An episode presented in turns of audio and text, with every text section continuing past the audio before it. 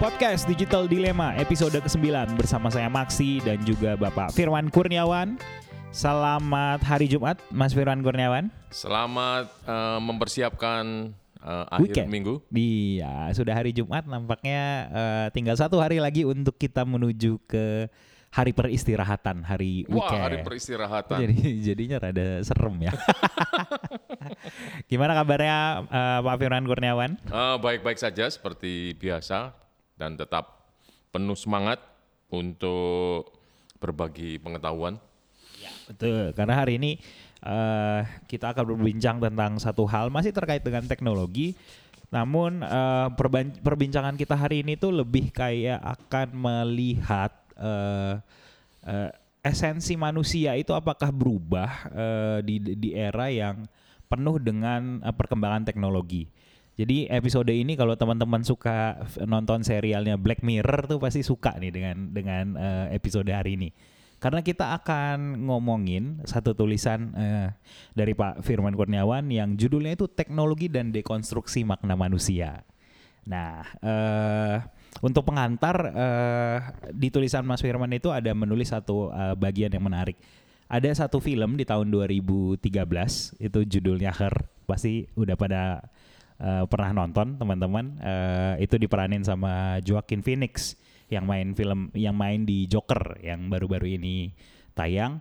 eh, di mana eh, dia itu memiliki satu asisten pribadi ya kalau bisa dibilang gitu ya Ya, namanya Samantha. namanya Samantha. Padahal Samantha tuh cuman berupa headphone di dalam telinganya gitu. Ya, eh, operation system sebetulnya. Operation system yang mengambil rupa sebagai satu headphone, eh, earphone di dalam telinganya dan Samantha ini bisa terus ngomong sama si eh, pemerannya itu adalah si Theodore Twombly. Nah, dia bisa ngomong sama sama si Theodore ini bahkan sampai Theodore bisa sampai jatuh cinta sama kecerdasan buatan yang namanya Samantha ini. Ya, ya. Nah, kita mau berbicara sebenarnya Mas, eh, kenapa sih Mas Firman itu sampai berpikir bahwa eh, teknologi ini tuh ada pengaruhnya sekarang sama eh, makna dari manusia itu sendiri pada saat ini. Ya, kalau kita lihat dari perkembangan teknologi dari awalnya, eh, pada awalnya manusia itu menemukan roda.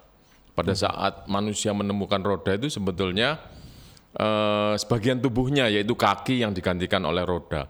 Jadi eh, jika masa sebelumnya manusia itu berjalan ke mana-mana menggunakan kedua kakinya, Ya. dengan adanya roda ini sebetulnya dia mendisfungsikan atau mengamputasi kakinya sendiri. Eh, kemampuan fisiknya dikurangi, tetapi sebetulnya pencapaian yang dapat diperoleh itu jauh lebih banyak. Ya. Nah, kemudian pada perkembangan yang berikutnya, katakanlah kita melompat ke penemuan manusia yang namanya mesin uap dan peralatan-peralatan teknologi yang lebih canggih lainnya. Itu kemampuan fisik manusia dari eh, ujung rambut sampai ujung kaki itu sudah ada mesin yang bisa membantunya. Jadi di sini lagi-lagi eh, eksistensi fisik manusia itu eh, dikurangi, tetapi kemampuannya jadi lebih meningkat dengan teknologi Ya, ini. ya, ya. Nah, di era teknologi informasi sudah bukan sebagian tubuh, bukan fisik, tetapi eh, akal pikiran manusia, termasuk emosinya tadi yang seperti dikisahkan di awal eh, film Her ini. Ya. Jadi lewat eh, teknologi informasi, data-data yang dikumpulkan itu bisa dimaknai. Oke. Kemudian dapat digunakan untuk memprediksi bagaimana suara hati seseorang. Ah, Kemudian oke. Apa yang eh, harusnya eh, menjadi respon atau respon apa yang akan diberikan oleh mesin. Nah, seakan-akan antara manusia dengan mesin ini bisa bercakap-cakap, bisa saling berbagi perasaan. Jadi sampai pada tahap itu Bahkan manusia juga bisa dengan eh, kecanggihan perangkat tersebut diprediksi apa maunya, apa yang sedang dirasakan, Ya.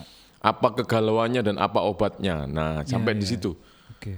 Berarti yang tadinya eh, bahwa perkembangan teknologi itu hanya sebatas di ranah em, fungsi tubuh, tapi ini tuh udah mulai masuk ke eh, kecerdasan sebenarnya. Ya, dan itu sangat menarik sebetulnya kalau kita lihat misalnya perangkat-perangkat penyimpan memori Iya. USB atau hard disk Iya. itu kan semakin lama kapasitasnya semakin besar. Betul. itu betul. artinya apa? Manusia itu memindahkan kemampuan mememori yang inherent di dalam dirinya Ya. itu ke perangkat-perangkat yang ada di luar tubuhnya.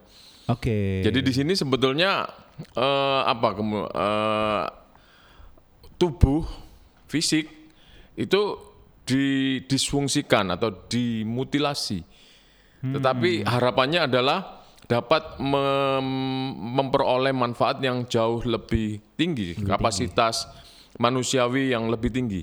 Jadi kalau di pembicaraan eh, episode sebelumnya makna teknologi ini adalah untuk memuliakan Manusia. eh, hidup manusia. Iya.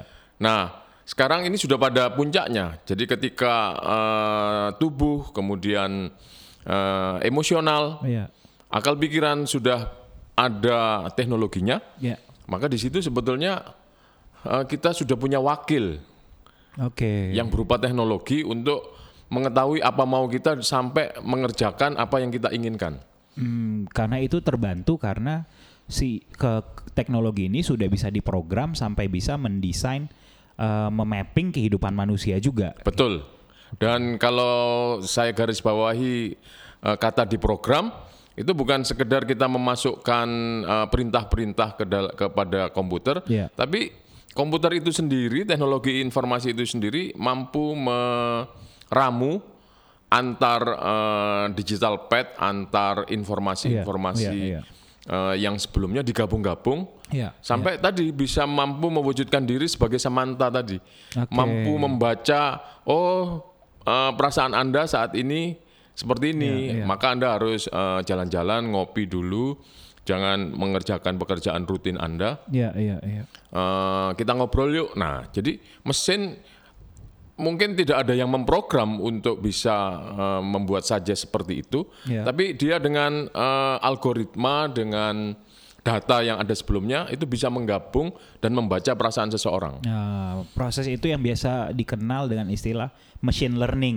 ya. Ya, betul. Jadi eh, bagaimana kita memberikan data kepada si mesin itu untuk data itu akhirnya bisa mempelajari eh, dan akhirnya bisa membuat definisi sampai pada fungsi ter ultimate functionnya bisa sampai jadi artificial intelligence Ya, bisa jadi kecerdasan buatan ya. gitu, Dan kecerdasan buatan ini semakin lama semakin cerdas.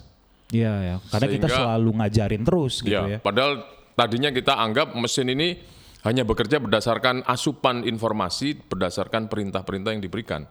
Tapi Iya. sekarang dengan eh, kemampuannya yang disempurnakan, eh, mesin-mesin ini mampu menggabung-gabung data, Iya iya sehingga mereka bisa sampai tahap merasakan Iya. emosi manusia. emosi manusia Eh, bahkan bisa ada eh, eh, tidak hanya mengerti bahkan bisa memberikan rekomendasi eh, haru berdasarkan pemahaman atas emosi manusia tersebut gitu Betul, ya. seperti itu. Iya iya. Ini eh, saya pernah baca satu eh, artikel sebenarnya eh, hal ini tuh dimungkinkan karena memang kemampuan satu kemampuan komputasi itu semakin kencang Ya, dan kedua karena eh, harga penyimpanan itu memang jadi lebih rendah gitu. ya itu hukum Moore Iya. bahwa setiap periode tertentu kapasitas eh, teknologi yang dijalankan oleh semikonduktor itu meningkat, tetapi harga ekonomisnya turun sehingga Ya. eh, ketika dia diaplisi- diaplikasikan ke berbagai macam teknologi itu Ya. bisa terjangkau harganya. Iya benar-benar. Dan eh, orang jadi karena menyimpan data itu menjadi lebih murah sehingga orang menjadi tidak sungkan untuk memproduksi data akhirnya. gitu Betul, ya. betul, betul. Dan teknologi itu akhirnya menjadi ubiquitous. Dia hadir di Iya. setiap kehidupan manusia. Iya. Yang kalau kita istilahkan puncaknya adalah Internet of Things seperti itu. Iya benar benar benar. benar. Menurut saya sih satu apa ya satu eh, penemuan dan penggunaan istilah yang paling canggih itu ada di penggunaan istilah cloud mas, istilah awan. Ya, Karena eh, itu tuh seakan-akan kan membuat penyimpanan storage itu eh, ada di awan gitu kan. ya, ya. Kayak nggak ada sama kita gitu. Betul. Padahal kan di itu hanya disimpan di server yang hard disknya itu ada di negara orang misalnya Iya, gitu kan. iya. Nah, dan itu kan membuat kita untuk tidak eh, mudah memproduksi data dan seakan-akan kita percaya data kita tuh eh, aman aja di di awan gitu. Ya, dalam kenyataannya beberapa skandal misalnya yang pernah kita baca eh, seperti eh, yang melibatkan Edward Snowden, kemudian eh, ada beberapa lagi itu kan bahwa ada pihak tertentu yang memanfaatkan begitu banyak data manusia itu kemudian dianalisis Iya, iya. dianalisis kemudian dapat digunakan untuk memprediksi untuk lewat profiling yang dilakukan terhadap orang yang sudah disedot datanya ini Iya, iya. kemudian disajikan kalau yang lebih halus masih dalam bentuk iklan-iklan yang mengena bagi orang tersebut Iya, betul. tapi yang sudah lebih eh, apa namanya lebih canggih dapat menggerakkan orang, dapat menggerakkan isi pikirannya, eh, kecenderungannya menjadi seperti apa. Iya. Seperti yang kita lihat di eh, skandal eh, apa namanya Cambridge, Analytical. Analytica, Iya. Data-data dari Facebook, Facebook. disedot, kemudian orang-orang yang datanya disedot di profiling, Ya. kemudian dilihat kecenderungan eh, termasuk pilihan politiknya, dan juga difabrikasi eh, preferensinya untuk memilih calon Iya. pemimpin. Dari konten eh, menggunakan konten yang sesuai dengan eh, profiling mereka tadi Betul. gitu ya. Ya, Iya, iya. jadi ya, jadi dalam hal ini ada dilema yang paling tidak. Yang pertama, eh, ketika teknologi itu didorong ke puncaknya, Ya, ketika manusia tidak mengkritisinya, ya. eh, tujuan untuk memuliakan akhirnya hanya kita memindahkan kemanusiaan kita. Oke. Eh, kita berhenti bergerak Ya. karena sudah ada yang mengerjakan, kita berhenti berpikir karena ada yang sudah mewakili. Ya, nah, di situ oke. istilah yang tepat akhirnya manusia ini memutilasi eh, fisik dan jiwanya. Oke. Nah, di sini eh, berhentilah kemanusiaan dari manusia itu. Itu dilema yang pertama. oke. Nah, agar tidak berhenti kemanusiaan dari manusia itu, dia harus eh, apa? Kembali pada visi teknologi ini untuk memuliakan manusia, bukan untuk menghentikannya menjadi manusia. Maka apa yang harus dilakukan? Dia harus berpikir teknologi ini bisa apa? Untuk mencapai batas-batas yang tidak bisa eh, dilakukan oleh manusia sebelumnya. Iya. Jadi misalnya kalau tadinya mengolah data sampai 10.000 manusia sudah kelelahan dibantu mesin bisa naik. Kemudian kalau sudah bisa naik kemampuannya untuk mengolah data apa? Menggabung-gabung antar data untuk dimaknai. Terus jadi batas itu dinaikkan. Nah di situ akan tercapai kemuliaan manusia untuk eh, memperoleh kesejahteraan yang dicita-citakannya Hmm, hmm, hmm. Utopia-utopia kemanusiaan yang didengungkan Iya, itu iya, benar. bisa dicapai lewat teknologi. Nah, yang kedua tadi adalah ketika mm, teknologi itu mampu digunakan untuk memproduksi informasi, Ah. itu kita juga harus tahu urusan safety-nya, urusan bagaimana data itu disimpan. Oke. Ketika kita tidak mengkritisi, kemudian ternyata ada pihak yang mampu memanfaatkan itu, kita hanya sekedar menjadi tambang. Jadi kita bayangkan lahan-lahan yang banyak mineralnya, banyak bahan tambangnya, kemudian disedot bahan tambangnya, maka mm, lahan bekas tambang itu menjadi kering kerontang, tidak ada manfaatnya lagi. Iya, iya. Nah bayangkan kalau manusia sudah disedot perilakunya, informasi tentang perilakunya, tentang kecenderungannya, Nah, kemudian bisa di profiling, dia akan seperti lahan yang kering kerontang tadi.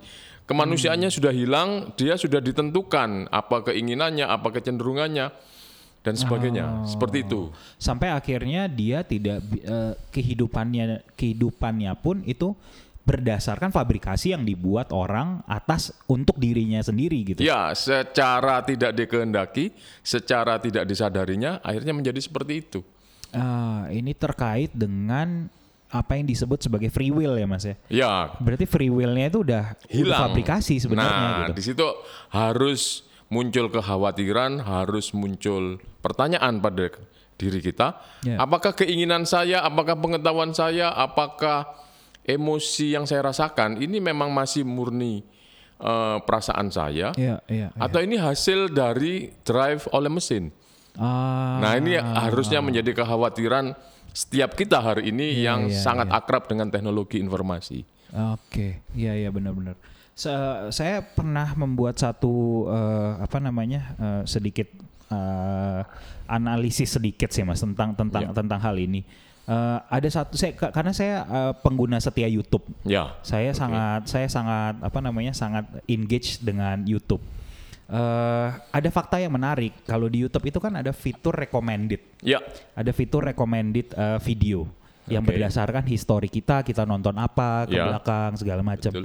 Nah, saya tuh mendapatkan data bahwa sebenarnya sebanyak 70% dari video yang orang tonton di YouTube itu dia datang nontonnya dari recommended videos. Nah, Jadi sebenarnya bisa jadi sebenarnya itu dia nggak mau nonton gitu. betul. Cuman itu tadi karena- hasil riwayat eh, data sebelumnya. Dan angkanya itu 70% Mas. 70 gitu. persen. Nah, berarti kan itu memiliki apa fa- eh, ke, ke fabrikasi pemaknaan itu bisa membuat mayoritas orang untuk bergerak berdasarkan kemauan dari si mesinnya itu gitu. Betul. Dan di balik mesin ini kan ada orang yang berkepentingan.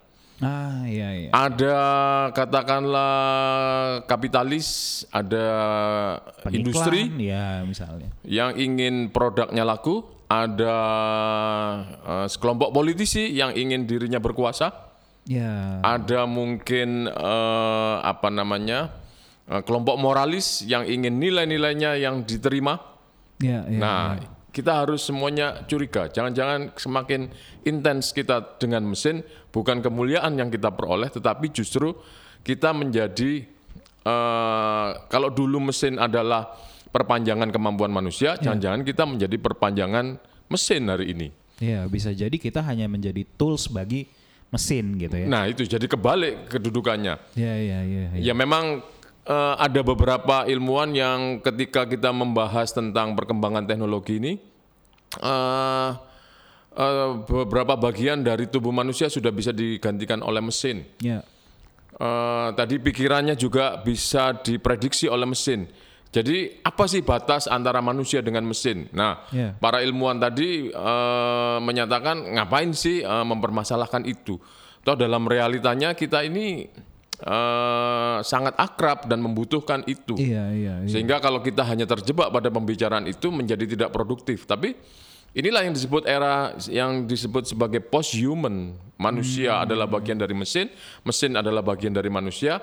Tetapi yang harusnya dipertahankan adalah bagaimanapun manusia itu lebih mampu harusnya mampu mengendalikan Iya, iya. keberadaan mesin. Iya, iya. Kalau kita membiarkan diri, eh, informasi yang terakhir, Iya. antar robot itu sudah bisa saling menyembuhkan, memperbaiki mereka sendiri. Iya. Itu artinya kalau nanti akan dikembangkan lebih lanjut, mereka akan juga bisa dalam tanda kutip menyerang manusia seperti di film-film Iya, yang iya. sering kita eh, tonton, sehingga nanti akan terjadi pertempuran antara manusia dengan mesin.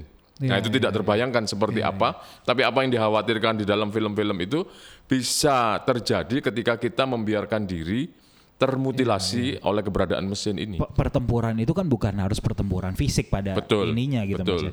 Dengan- Tadi termasuk keinginan kita dikendalikan iya, oleh iya, mesin iya, seperti itu. Iya, jadi intinya eh, apa yang membedakan manusia dengan binatang kan pada intinya adalah eh, manusia adalah binatang yang berpikir ya Ya, dan punya free will. dan punya free will kan. Ya, betul. Nah, itu eh, ketika itu ketika menghadapi dengan mesin Mhm. bisa jadi eh, manusia kehilangan free will-nya Ya. dan manusia bisa jadi kehilangan pikirannya tadi gitu ya. Betul, karena dia dikendalikan atau merasa nyaman dengan pilihan-pilihan yang diberikan oleh mesin, termasuk Iya. keinginannya apa itu dia ternyata dari yang Mas Maksi sampaikan 70% selera kita terhadap apa yang kita tonton itu sudah difabrikasi oleh mesin oleh seperti mesin. itu. Iya, iya, iya. Nah, itu baru YouTube. Bagaimana dengan selera-selera kita misalnya pesan makanan lewat aplikasi, kemudian tontonan dengan aplikasi menonton dan sebagainya. Iya. Kalau semuanya itu ternyata hmm, juga hasil dari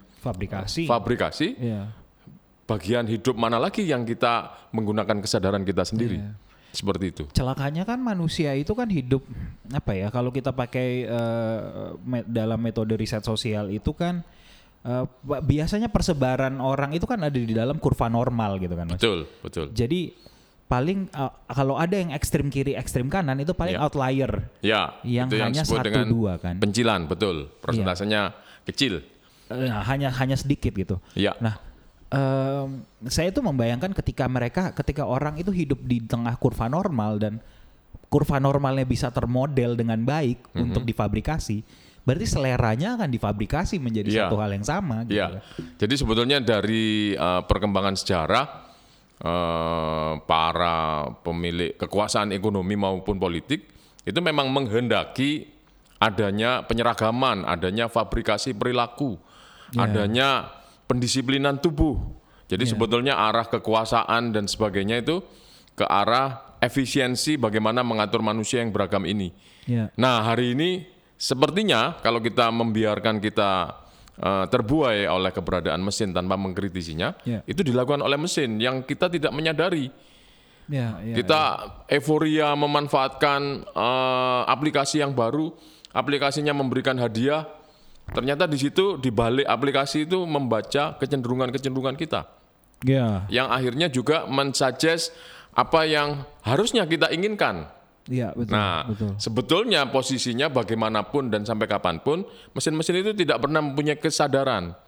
Ya, Manusialah yang mempunyai kesadaran. Iya, nah, iya, iya. jadi posisinya yang harus kita rebut hari ini adalah bagaimana kesadaran kita itu tetap terjaga.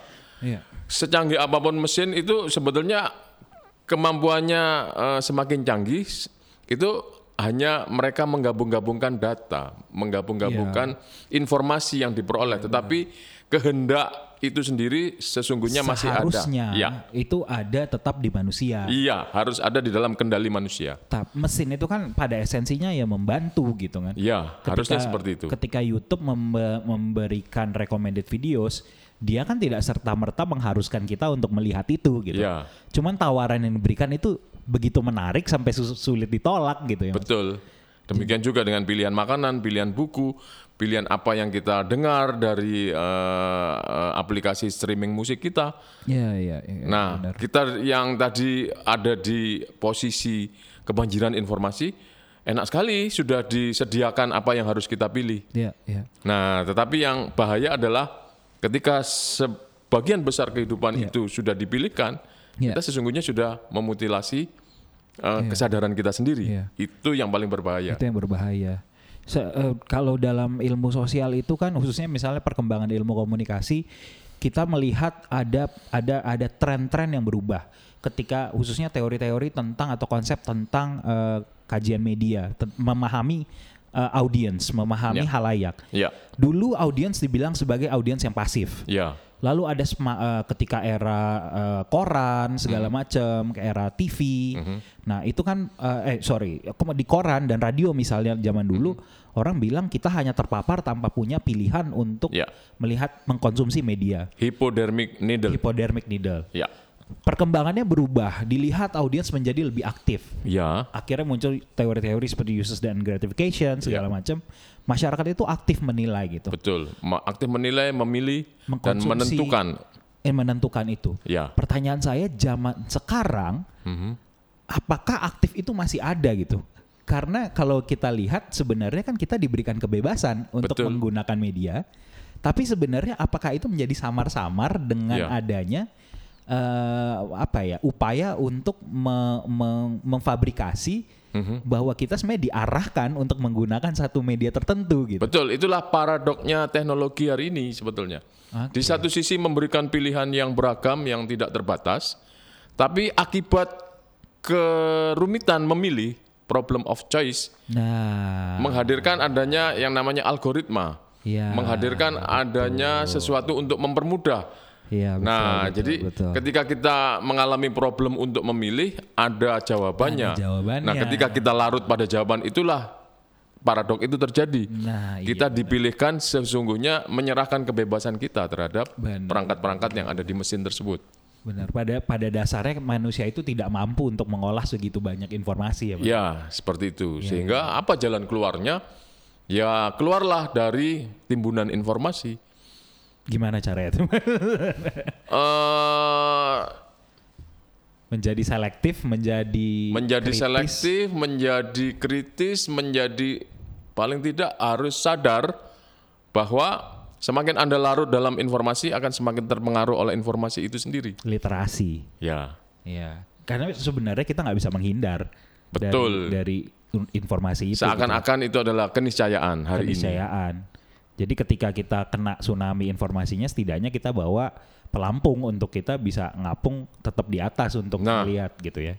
Kita harus keluar dari berinteraksi dengan mesin-mesin, kita membangun lagi eh, relasi interpersonal dengan manusia lain, Iya, iya, iya. komunikasi tatap muka, kemudian eh, ekspresi, sentuhan dan sebagainya, itu kan sudah jarang kita gunakan. Bisa jadi jarang iya. Nah, itu harus kembali kita mm, berdayakan, kita eh, manfaatkan relasi-relasi yang langsung dengan manusia, berhubungan dengan manusia seperti itu. Iya, iya. Pun kalau kalau misalnya eh kita juga ada apa namanya sedang melihat iklan atau apa, setidaknya kita tahu bahwa oh ini tuh karena saya baru saja bersentuhan dengan apa, Ya. eh, apa gitu. Ada algoritma di balik setiap mesin, Iya, iya. seperti itu. Itu yang tidak semua orang akhirnya tahu Betul. dan ya tidak berusaha mencari tahu mungkin atau memang memang pada dasarnya kan manusia tidak bisa mengolah informasi terlalu banyak gitu kan. Betul. Daripada sulit ya sudah terima saja gitu. Nah, kan. itu paradoknya ada di situ.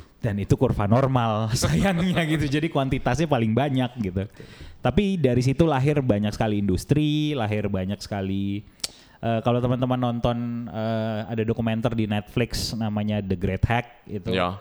eh, menggambarkan bagaimana itu kini menjadi eh, industri triliunan dolar satu saat per tahunnya gitu Mhm. bisa meng- menjadikan iklan menjadikan eh, in- database industri itu menjadi industri yang sangat seksi sangat eh, tapi di satu sisi kita harus bisa eh, kritis terhadap itu karena eh, ada perjuangan sekarang untuk menjadikan eh, data personal menja- masuk ke dalam eh, hak asasi manusia Betul, itu menjadi eh, keprihatinan kita semua. ya Jadi jangan sampai kondisinya berbalik.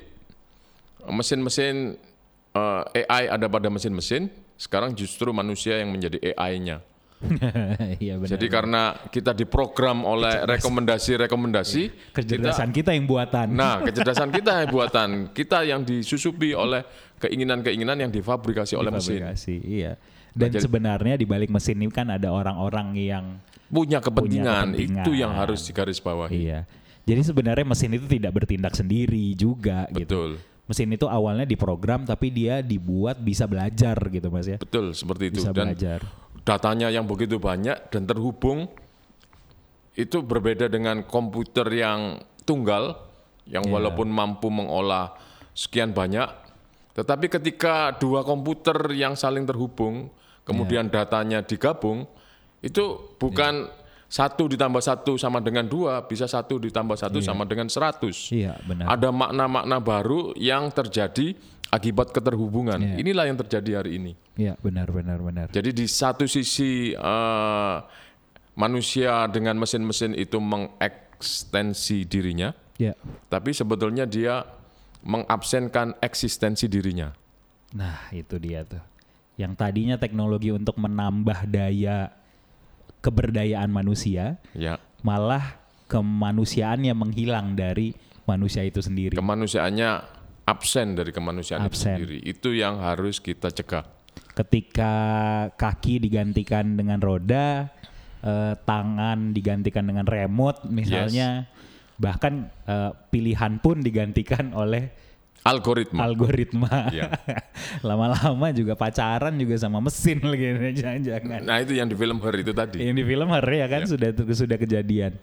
Itu menarik sekali pembicaraan kita pada eh, kesempatan kali ini, Eh, teman-teman eh, hati-hati dalam eh, menyikapi perkembangan teknologi, tetap kritis. Nah, Ingat bahwa Bukan berarti kita pesimis terhadap perkembangan teknologi, betul. tapi kritis adalah kata kunci. betul. Jadi memang harus eh, sadar bahwa ada dampak-dampak yang mungkin bisa terjadi bagi kehidupan manusia. Kami tidak melawan upaya eh, kemajuan teknologi, tapi karena memang eh, pun di perusahaan-perusahaan teknologi, Mas, ini fun fact aja teman-teman. Teman-teman bisa lihat semua perusahaan teknologi itu nggak ada yang namain kantor pusatnya sebagai headquarter. Hmm. Tapi mereka selalu menamakannya dengan kampus. Hmm. Jadi Apple kampus, Google kampus, pasti kayak gitu.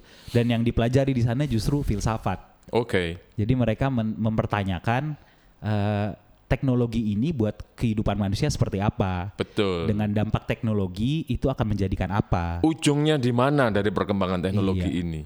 Sehingga kalau misalnya kita sudah punya sensor yang di dalam seluruh tubuh yang bisa mendeteksi misalnya kapan fungsi tubuh akan berakhir, kap- yang berarti akan menjadi kematian, eh, apakah manusia berhak untuk playing God? Apakah manusia berhak untuk eh, menjadi Tuhan? Karena dia bisa menuntun menuntun apa eh, menentukan kapan oh, bisa hidup, kapan bisa mati, hanya berdasarkan data-data dari yang ada di tubuh kita gitu. Sekilas itu positif untuk perkembangan perkembangan teknologi dan eh, kehidupan umat manusia, namun tetap ada poin-poin yang harus bisa kita kritisi. Ada tambahan lagi, Pak Firman? Saya kira itu tetap kritis dan sehat. Gitu dia. Sehat secara mental dan Fisik. eh, fisik ya. Ya. Karena teknologi itu banyak membawa dampak buruk pada fisik juga. Jarang olahraga dan segala macam. Terima kasih teman-teman atas eh, atensinya. Kita ketemu di episode selanjutnya. Terima kasih.